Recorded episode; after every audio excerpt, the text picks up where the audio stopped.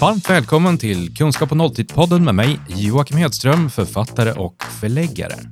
Och idag så är jag med mig Torbjörn Engström som har skrivit boken Autism i praktiken. Och han jobbar som skötare inom psykiatrisk vård och är speciellt intresserad av autism och andra neuropsykiatriska funktionsnedsättningar.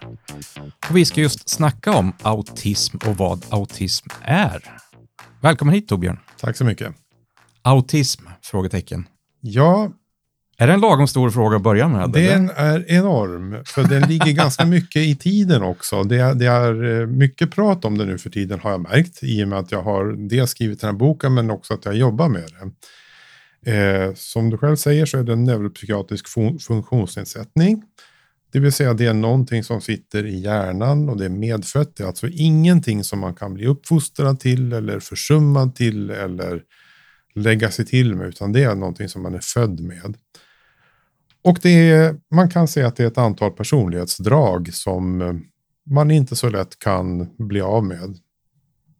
Eh, en del av de sakerna kan vara rutinbundenhet, problem med kommunikation. Med kommunikation, ursäkta jag bryter mig in. Ja, att till exempel förstå vad människor menar när de talar. Till exempel att ha kanske svårt med ironi, Ja. Att ha svårt med metaforer, eh, att ha, ja, Kalle, ät en gaffel till nu. Men mamma, man kan inte äta gafflar. Ursäkta jag skrattar, men det är väldigt kul samtidigt. Ja, det är ju det. Det är faktiskt ganska roligt också. Om man ser det på det sättet och om man hela tiden bevarar i minnet att det kanske inte är lika roligt för, för de som har de här problemen. Eh, så är det naturligtvis väldigt lätt att ibland dra på, på eh, smilbanden. Det, det kan jag inte neka till. Jag har en, eh, en, en god vän med autism och jag vet, jag vet svårigheten i kommunikation. Jag tycker jag är supertydlig med den här personen. Mm. Och den här personen får ta familjemedlemmar till hjälp för Ja, att tyda ja. mina mejl som Ja. jag skickar. Och, och det är jätteviktigt att säga då att det här har absolut ingenting med intelligens att göra. Autistiska människor kan vara överintelligenta, normalintelligenta eller svagbegåvade. Och det, har in, det är inte alls där det ligger. Den här personen kanske mycket väl håller nivån intelligensmässigt men har ändå de här svårigheterna att koppla vid kommunikation. Och det är det som autism är. En Ja. av de sakerna. För att om man bara kommer in på den där lite skalor och sånt. Tidigare så, så kunde det heta Aspergers, som jag förstår det. Och, Asperger är en avskaffad diagnos. Eh, den som har fått den en gång i tiden har den kvar. Eh, men det visade sig att man eh, inte kunde till slut skilja mellan Asperger och autism utan intellektuell funktionsnedsättning. Det vill säga en normal eller högbegåvad autistisk person är samma sak som en person med Asperger. Därför avskaffades diagnosen Asperger och ska inte längre ges. Okej. Så det är inte egentligen en gradskillnad. Man, man, man, kan inte, man kunde inte ha Asperger och eh, utvecklingsstörning eller intellektuell funktionsnedsättning. Det, var det skulle vara en självmotsägelse. Men även förr i tiden kunde man få diagnosen autism och då visade det sig sen att det fanns ingen skillnad helt enkelt på, på de sakerna. Okej. Och därför avskaffades Asperger. För jag har hört ehm, personer förklara att de är otroligt besvikna över att ligga på Rain Man-skalan nu för tiden. Förstår du vad jag menar där? Ja, jag gör ju det. Även om jag tycker kanske inte riktigt att det, att det är så, så det fungerar. Förklara. Alltså, Rain Man är ju en relativt välkänd metafor i sådana sammanhang för en person som har enorma förmågor i vissa, eh, i vissa sammanhang men i, i stort sett uteblivna i andra sammanhang. Kan, man kanske till exempel inte kan räkna ut vad 4 plus 3 är men vilket datum 18 november år 2132 är, det är inga problem att säga direkt. Ja. Eh, och det är väldigt, väldigt ovanligt. Många människor tror att det är så det är att vara autistisk och det är extremt ovanligt. Men det förekommer. Eh, och ehm, jag tänker att den personen som har fått en diagnos, Asperger, och sen på något vis känner sig förflyttad till, till den här andra skalan, det, den, det, är, det är som ett missförstånd ändå. Okej. Okay. Ja. Så vad skulle du säga autism är? Vad är de kännetecknande grejerna? Jag gick in och avbröt väldigt raskt. Ja, eh, rutiner, social kommunikation, svårigheter vid detta. Det kan vara väldigt svårt med sinnena. Man kan tycka att ljus är för ljust, ljud är för jobbigt. Eh, kläder kan kännas som knivar. Duschstrålar kan kännas som nålar som sticker i tandköttet. Eh, Parentes. Ja.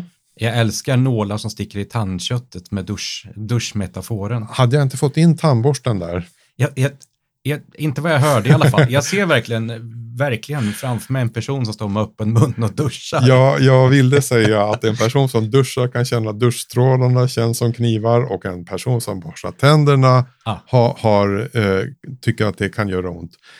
Eh, på grund av extra känsliga um, sinnen helt enkelt. Yeah. Det här kan ju låta jättejobbigt och det är det naturligtvis också. Samtidigt så kan det också ibland vändas. Eh, kanske den autistiska personen, den som först känner att det luktar rök någonstans, det luktar eld, kan varna.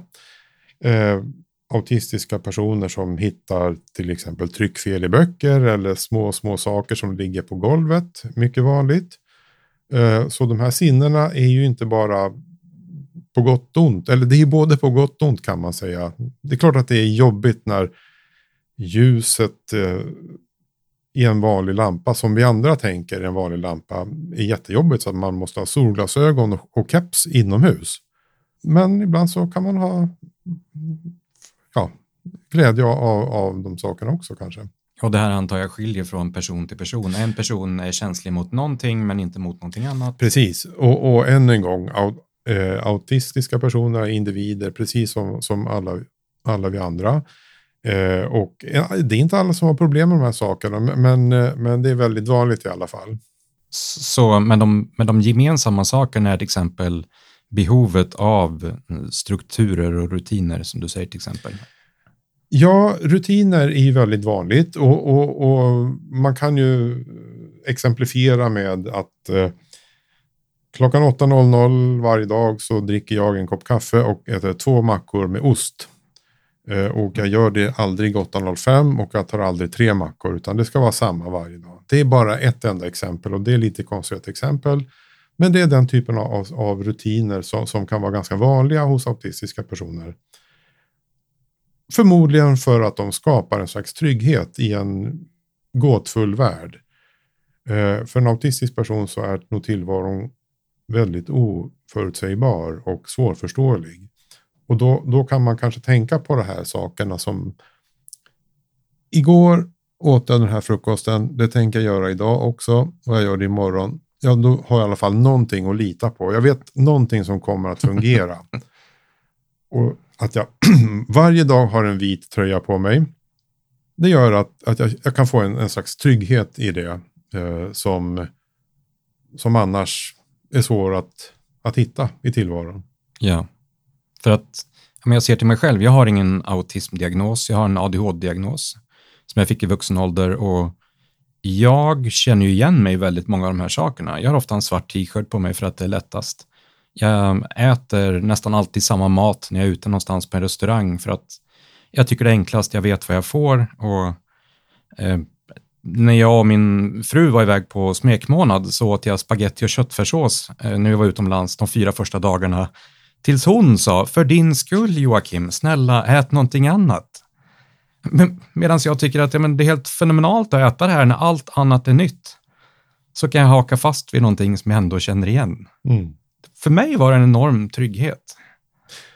Ja, och eh, som du själv säger, du har ingen autismdiagnos, eh, men du beskriver ändå väldigt väl hur, hur många autistiska personer eh, ha, har det med de här sakerna. Ja. För jag har autistiska vänner och jag, jag gillar jag vet inte hur stor koppling, eh, likheter det finns mellan ADHD och autism, men jag känner en, jag känner igen mig väldigt mycket i hur de funkar och jag tycker de är, människor med autism är enklare att ha att göra med tycker jag. De är väldigt raka och ärliga till exempel. ADHD och autism är ju kusiner, båda är neuropsykiatriska funktionsnedsättningar. De har väldigt stor, stor överlappning. Eh, statistiskt sett så är det så att har man den ena diagnosen så har man goda möjligheter att också ha den andra. Eh, samtidigt så får man ju komma ihåg att sådana här saker kan man ju var och en också ha, ha eh, känslor för utan att det går så djupt att det, hur ska man säga, påverkar ens tillvaro. Eh, jag är också en rutinmänniska, jag har inte heller någon autismdiagnos. Men jag kokar ändå alltid lika mycket kaffe och, och eh, tar samma väg till jobbet varje dag. Yeah. Eh, kanske för att det ger en viss trygghet i en problematisk tillvaro. Men det känns ju inte som att jag är riktigt en slav under det här, men det kanske andra är. Ja.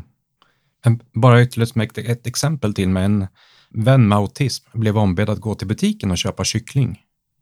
En instruktion som de flesta av oss, liksom så här, vanligt fungerande människor tycker, mm. men du köper kyckling. Mm. Vi ska ha till lunch eller till middag, du köper kyckling. Vad tror du hände för den här personen när han kom in i butiken? Ja, det finns ju väldigt många möjligheter. Allt från påskpynt till eh, bristen på levande kycklingar. Jag vet inte riktigt vad som hände. Förklara, påskpynt. Den hade inte ens jag tänkt på. Förklara, vad tänker du? Påskpynt? Man brukar pynta med kycklingar till, till påsk och eh, jag tänkte att den personen kanske gick och letade efter en sån liten... För det är något sånt som skulle kunna hända på riktigt? Eller? Absolut, absolut. För att jag tänker de flesta människor, om de blir ombedda att gå till butiken och köpa kyckling, ja. skulle ha gått till butiken och köpt kyckling som går att äta. Precis. Ja. Men inte en person med autism, för att, varför då? Därför att det kanske inte nödvändigtvis kopplas. Eh, att eh, det här är ett väldigt intressant och, och i, i autismvärlden vanligt eh, fenomen. Detta kallas för central koherens om man ska använda lite fina ord. Eh, det kan betyda att man har intellektuell förståelse för en sak men att det ändå inte kopplar.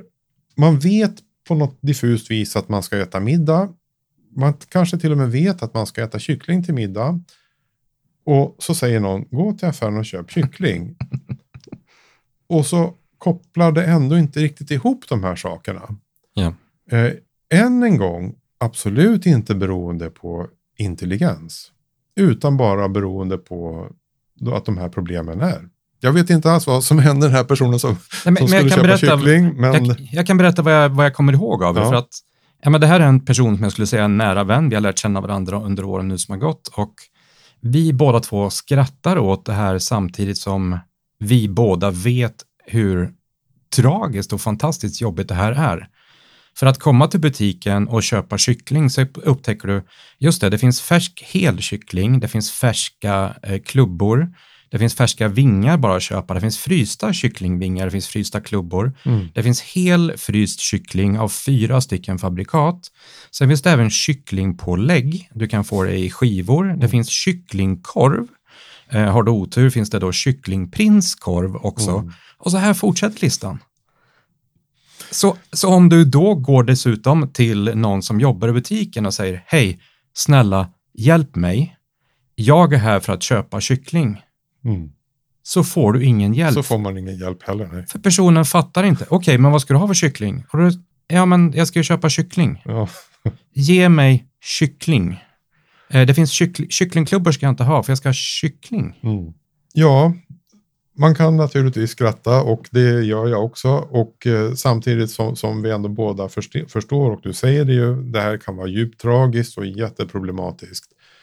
Ja, särskilt eftersom det gäller på alla områden i ja. livet. Det gäller ja. inte bara när du går och köper kyckling i matbutiken. Nej, precis. Utan det här gäller allt och jag tror ju ändå att jag känner den här personen. Ja. Och nästa gång jag skickar ett sms eller ett mail så får den be en familjemedlem och hjälp. Så här, jag fattar inte vad Joakim säger. Nej. Och då har jag funderat tre gånger extra för att försöka vara så tydlig det bara mm. går. Ja. Och det funkar ändå inte. Nej. Vad kommer du att tänka på nu? Jag såg att det hände med kommunikation, helt enkelt. Ja. Och det är sådana här saker så, som, bland annat sådana här saker som kan göra det så, så svårt att, att kommunicera. Eh, och eh, det är klart att har man en sån här tillvaro så blir man jättetrött därför att det kostar så mycket energi. och det är på något vis en, en huvudpunkt med autism. Att autism är en energitjuv. Det kostar jättemycket kraft att, att leva med det. Och det kostar ju inte mindre kraft när omgivningen inte ens förstår. Nu förstår ju både du och jag problemen här för den här kycklingköparen. Men den som inte har tänkt igenom saken och märker att ens anhöriga eh, har de här problemen. Man kanske tappar tålamodet, man kanske skäller ut dem, man kanske ifrågasätter vad de har för förmåga. Och, och, och de stackarna lever med det här och eh, blir naturligtvis utmattade. Och, och, och det är också därför som eh, jag jobbar som sagt inom psykiatrin. Eh, det är inte så på något vis att en autistisk person läggs in för psykiatrisk vård bara för det. Och de allra flesta människorna med autism läggs aldrig in för sjukhusvård. Men av de människor som verkligen läggs in för sjukhusvård på psykiatrin är en mycket stor del eh, eh patienter som är autistiska. Och jag tänker mig att det är just de här energibortfallen, ja. utmattningen i att ha den här tillvaron så, som är så svår att förstå och är så svår att förstå för omgivningen också. Och det är också därför som jag har skrivit den här boken, för att jag vill förmedla kunskap och förståelse om de här sakerna som Ja, men som sagt, vi kan sitta och, och skratta lite grann och vi kan förundras över hur det är. Men det är allvarliga, eh, seriösa problem som, måste, som vi alla måste lära oss att hantera. Ja. Därav boken. För den heter just autism i praktiken. Precis. den inte... heter inte autism i teorin och låt oss någonting, någonting. Nej, det är inte alls en, en lärd vetenskapsbok. Eh, jag går inte in på vilka kemiska substanser i hjärnan som är i, i verksamhet, utan det är just den här typen av saker som jag pratar om. Eh, hur kan det bli så här? Hur ska man hantera det? Hur ska man förstå det? Eh, vad kan man göra? Ja. Utan, att, utan att ge mig in på varför och hur många och, och sådana saker. Det finns sådana böcker också med lärda eh, svar och förklaringar. Men det är andra böcker det. jag tycker det är så fantastiskt skönt att kunna diskutera någonting som även för mig är komplicerat och kunna förklara på en praktisk nivå. För det är väldigt snabbt, när jag fick ADHD-diagnosen så var det massa prat hit och dit om uppmärksamhetsproblem och det var kopplingar i hjärnan och jag brydde mig inte. Jag ville veta mm. vad är det, hur mm. funkar det och vad kan jag göra åt det? Ja. Hur kan jag få tips på att få livet att funka? Ja. Um, så ja, men superintressant att få en liten, liten, liten introduktion till vad autism är. Så ehm, jag tänker att vi avslutar dagens avsnitt här och jag säger jättetack till Torbjörn Engström som har varit här och är författare till boken Autism i praktiken. Tack så mycket. Du har lyssnat till ett avsnitt på temat Kunskap på nolltid. Om du gillar vad du hörde så hittar du fler poddavsnitt, e-böcker och även digitala utbildningar på kunskappånolltid.se.